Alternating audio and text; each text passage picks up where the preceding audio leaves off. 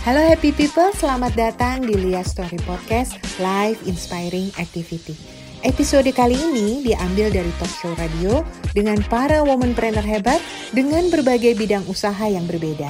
Di sini kita akan sharing berbagai perjalanan dan pengalaman berbisnis. Langsung saja kita ikuti episode kali ini. Pagi hari ini seperti biasa Woman Preneurship hadir dan pastinya sahabat Light uh, sudah hadir narasumber kita di um, pagi hari ini dan pastinya sahabat Light uh, produk yang akan kita hadirkan nanti ada merupakan produk kacang bumbu rempah gumiwang. Nah sahabat Light kacang merupakan cemilan yang kaya akan manfaat berdasarkan studi terbaru dari Loma Linda University di California Amerika Serikat mengkonsumsi kacang setiap hari bukan uh, hanya bagus untuk meningkatkan kognisi dan ingatan. Kacang juga membantu melindungi jantung, melawan kanker, mengurangi peradangan, dan memperlambat proses penuaan. Nah, sahabat kilat banyaknya manfaat yang terkandung pada kacang. Seharusnya bisnis kacang menjadi bisnis yang sangat menjanjikan. Nah, benarkah sahabat kilat? Tentunya kita akan menemukan jawabannya langsung dari pelaku bisnis. Di sini sudah hadir ada Teh Herni atau lebih dikenal dengan Umi Gumiwang dengan produknya kacang bumbu rempah gumiwang.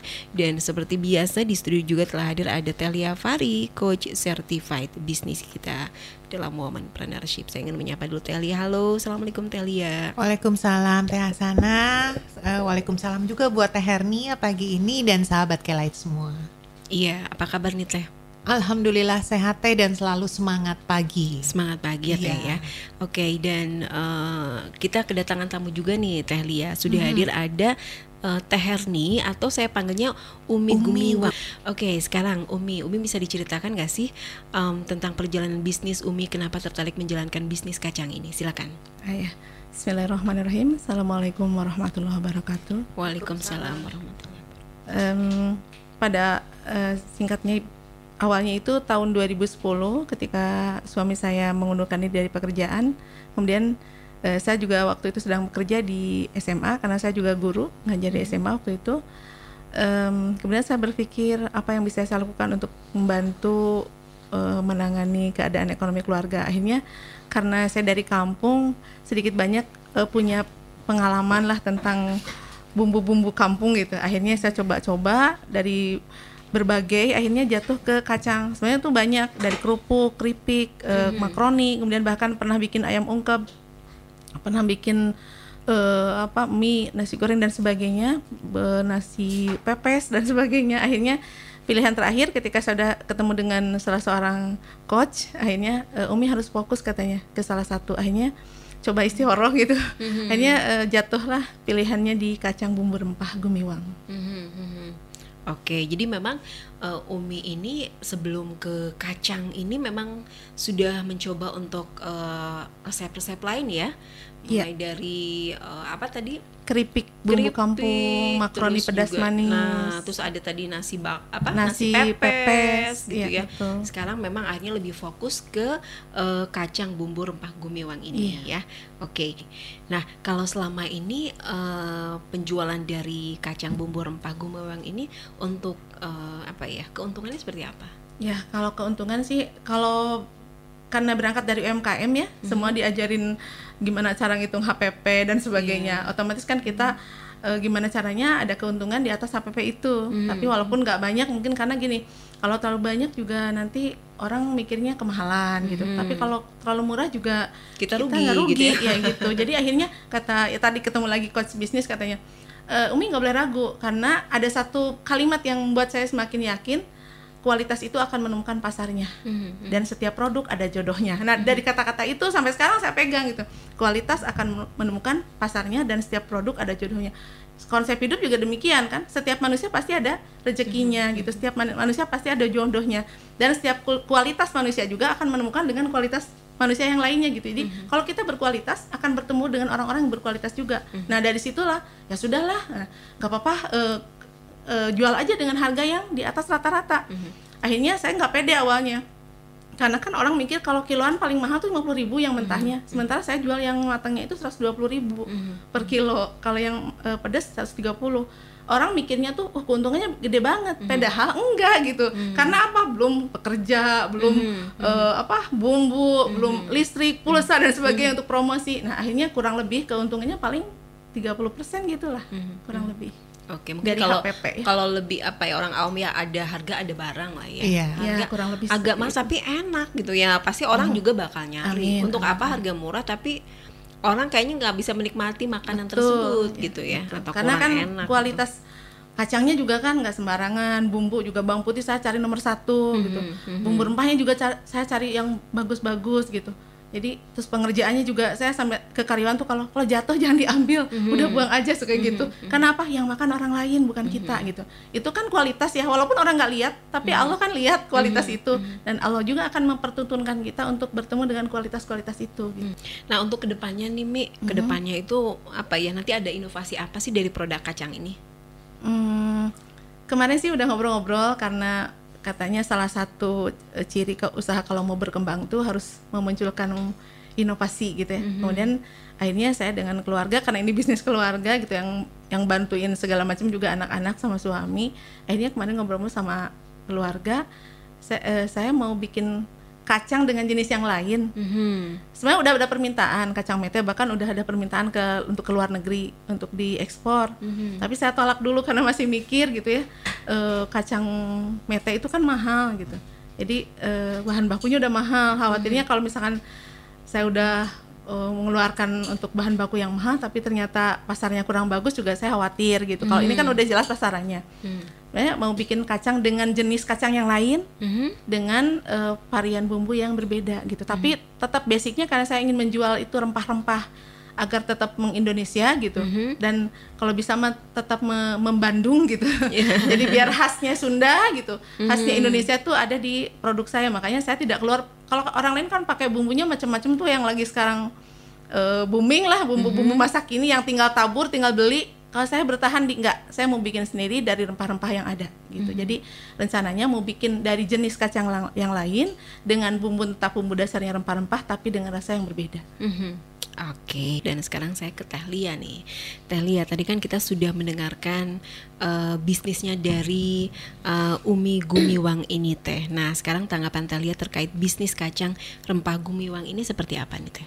Ya, tadi eh, Umi udah bilang ya bahwa sebetulnya kan bisnis ini bukan eh, dilaksanakan atau dikerjakan hanya eh, karena dapat inspirasi ya Teh. Tapi ternyata kan bisnisnya itu udah melalui proses yang panjang gitu, mencoba terus kemudian melakukan riset, produknya silih berganti sampai akhirnya dengan istihoro dan memutuskan mana yang paling tepat untuk dilakukan. Nah, ketika tepat atau paling seret juga ini terkait dengan uh, kemampuan dari Umi ya dalam melakukan ini. Pasti Umi juga memilih karena saya punya potensi di situ, karena saya punya sumber daya di situ gitu ya. Dan pasti menangkap bahwa peluang bisnis ini ada di sana gitu. Nah, memang di awalnya kalau orang orang Indonesia tuh kalau makan kacang itu kan gak mungkin dari pagi sampai malam makan kacang terus ya Umi ya pasti kan makan kacang itu camilan terus kemudian orang juga mengenal kacang itu selalu ada di keller ketika mau hari raya gitu biasanya. Tetapi jarang sekali ditemukan di hari-hari yang biasa. Nah ketika kita menemukan eh, konsumen itu menjadi minat untuk makan kacang di luar hari raya itu adalah suatu eh, kemampuan yang luar biasa sebetulnya dari Umi strateginya itu bagaimana gitu ya. Nah itu yang sebetulnya tidak difikirkan orang lain. Jadi orang akan mencari produk kita ketika produk kita memang berbeda dengan produk orang lain. Nah berbeda itu bukan berarti produknya beda, produknya sih sama sebetulnya kacang. Tetapi apa yang menjadi pembeda ternyata di sini adalah kualitas. Karena Umi tadi juga menyampaikan kualitas. Nah ketika eh, kacang ini sebagai camilan, camilan itu pasti orang akan mengingat camilan yang kualitasnya ya bukan hanya sekedar rasanya ya, tetapi ada faktor-faktor lain dari packaging dari yang lain yang membuat konsumen akhirnya mengingat kepada produknya Umi yaitu kacang gumiwang ini. Jadi ketika di luar hari raya orang mikir aduh pengen kacang. Pasti nyarinya adalah produknya produk Umi. Makanya eh, sebetulnya ketika ada peluang di bisnis kacang kita harus memilih mau bicara kuantitas atau mau bicara kualitas. Mhm. Karena ketika kita bicara kualitas, memang konsumen akan me menomorduakan atau menyingkirkanlah faktor harga. Mhm. Nah, karena ada trust atau ada kepercayaan di sana, kepercayaan itu mulai dari proses yang tadi Umi sampaikan, terus kemudian rasa dan keyakinan bahwa memang produk ini aman, sehat dan eh, secara kualitas tadi ya, secara eh, faktor-faktor yang tadi itu sudah terpenuhi. Makanya akhirnya konsumen nyarinya ke produknya Umi Mhm. gitu. Makanya untuk teman-teman di luar, sahabat Kelait di luar sana, jangan langsung eh, memicingkan mata kalau memang ada produk yang keluarnya tahunan. Justru Mhm. kita berpikir bagaimana nih kita bisa membuat eh, produk ini menjadi produk yang legu- reguler yang bisa kita keluarkan karena dengan produk tahunan dan akhirnya kita menjadikan itu produk rutin yang kita keluarkan setiap saat atau menjadi produk andalan kita eh, yang utama dalam berbisnis Mhm. itu peluangnya jadi besar karena pesaingnya masih sangat sedikit sebetulnya. Mhm. Itu sih. Teh. Nah, sekarang eh, Relia nih, inovasi seperti apa yang harus dikembangkan terkait edukasi kepada konsumen bahwa kacang ini menyimpan banyak manfaat nih Teh. Ya, yang tadi dibilang bahwa ketika kita memutuskan bahwa kita eh, memilih kualitas menjadi eh, produk utama atau yang utama yang akan kita delivery kepada konsumen, Mhm. ketika kita bicara kualitas otomatis di sana kita juga harus bicara tentang pembeda dari kita sehingga Mhm. inovasi itu menjadi penting. Kalau kualitas itu menjadi kunci, eh, kalau kualitas itu menjadi pintu, Mhm. maka kuncinya adalah inovasi Mhm. gitu ya. Jadi kalau kualitas itu sebagai pintu, maka harus ada kuncinya ini. Kuncinya apa? Kuncinya adalah inovasi.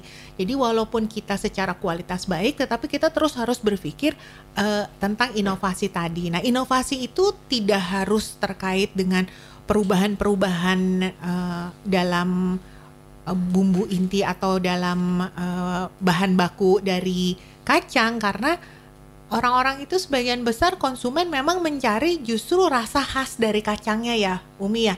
Jadi kan Iya. nggak mau ya kalau rasa kacangnya jadi hilang gitu kan. Iya, betul. justru mereka pengen kacang itu tetapi ada pembeda. Pembedanya eh, tadi rasanya mungkin ada ditambahkan ya. Ditambahkan dengan rasa apa aja sih Umi tadi? Pengennya sih kencur sama agar terkesan ada untuk milenial Hmm. bikin yang rasa keju juga Nah, eh, itu jadi ada varian-varian rasa gitu ya. Nah, selain varian rasa sebetulnya untuk mengenalkan tadi inovasi bisa di kemasan. Terus kemudian edukasi, edukasi menjadi penting karena apa? Karena tidak semua orang eh, mengetahui manfaat dari kacang ini. Orang sebagian besar malah eh, mengetahuinya bahwa kacang ini kalau kebanyakan dimakan nanti akan menjadi sumber penyakit baru gitu. Nah, edukasi-edukasi itu penting. Disampaikan di manakah edukasi tadi? Edukasi tadi disampaikan melalui media-media marketing yang eh, Umi gunakan gitu ya. Iya. Apakah dengan menggunakan tenaga konsumen yang sudah membeli, kita keep in touch terus dengan mereka. Terus biasanya suka ada WA ya Umi ya, Iya. WA group dan lain-lain kita bisa sampaikan secara kontinu, padat, singkat manfaat dari kacang atau bahkan resep-resep yang bisa digunakan selain kacang itu sebagai camilan. Itu pun bisa bisa menjadi sebuah inovasi marketing yang baru. Mhm. Tidak hanya terkait kalau kalau inovasi itu harus kacangnya diapain gitu ya. Mhm, mhm. Kacangnya tetap harus kacangnya yang sangat kuat tetapi mungkin varian-varian tambahan. Mhm. Selain itu edukasi yang menjadi penting. Mhm. Oke, Telia, sayang sekali waktunya su- sudah habis juga untuk Umi Gumiwang. Tapi terakhir nih Teh, tipsnya untuk sahabat Kelai. Ya untuk ini ya karena di dalam berbisnis itu yang paling kita inginkan adalah kepuasan dari konsumen. Bagaimana konsumen itu mau beli lagi ke kita dan bahkan konsumen itu menjadi saudara bagi kita. Jadikan konsumen itu menjadi suara terdepan yang akan eh, memperkenalkan produk kita. Nah, sekarang gimana sih caranya biar dapat konsumen seperti itu? Memang yang tidak boleh kita lupakan itu adalah bagaimana menciptakan produk yang berkualitas. Mhm. Yang kedua juga jangan lupakan services bahwa after sales bagaimana kita menjalin hubungan dengan konsumen itu juga menjadi penting. Dan yang terakhir adalah keunikan bagaimana kita bisa menciptakan sebuah keunikan yang menjadi ciri khas kita sehingga menjadi pembeda antara produk kita dengan produk kompetitor yang lain. Mhm. Oke. Terima kasih Telia Fari, ilmunya mudah-mudahan apa yang sudah dibagikan di pagi hari ini bermanfaat untuk kita semua dan ini bisa menjadi inspirasi bagi para wanita untuk uh, mungkin uh, bagi anda yang belum memulai bisnis jadi aduh kayak tertarik untuk memulai bisnis ya Teh ya. Iya. Ya, dan juga untuk Umi, Umi Gumiwang terima kasih. Mudah-mudahan makin sukses, Amin. bisnisnya makin banyak konsumennya Amin. dan tentunya selalu memberikan yang terbaik Amin. untuk para konsumennya. Oke, sukses ya karirnya Teh Lia ya. Ya, amin. Makasih Teh. Oke, ya sahabat kilat kita akhiri perbincangan kita dalam momen preneurship. Oke, happy people, tadi sudah kita ikuti episode seru dan pengalaman menarik dari salah satu womanpreneur hebat. Jangan lupa untuk hidup bahagia dengan selalu berbagi manfaat untuk semua orang. Semangat berbagi, berbagilah melalui kebaikan.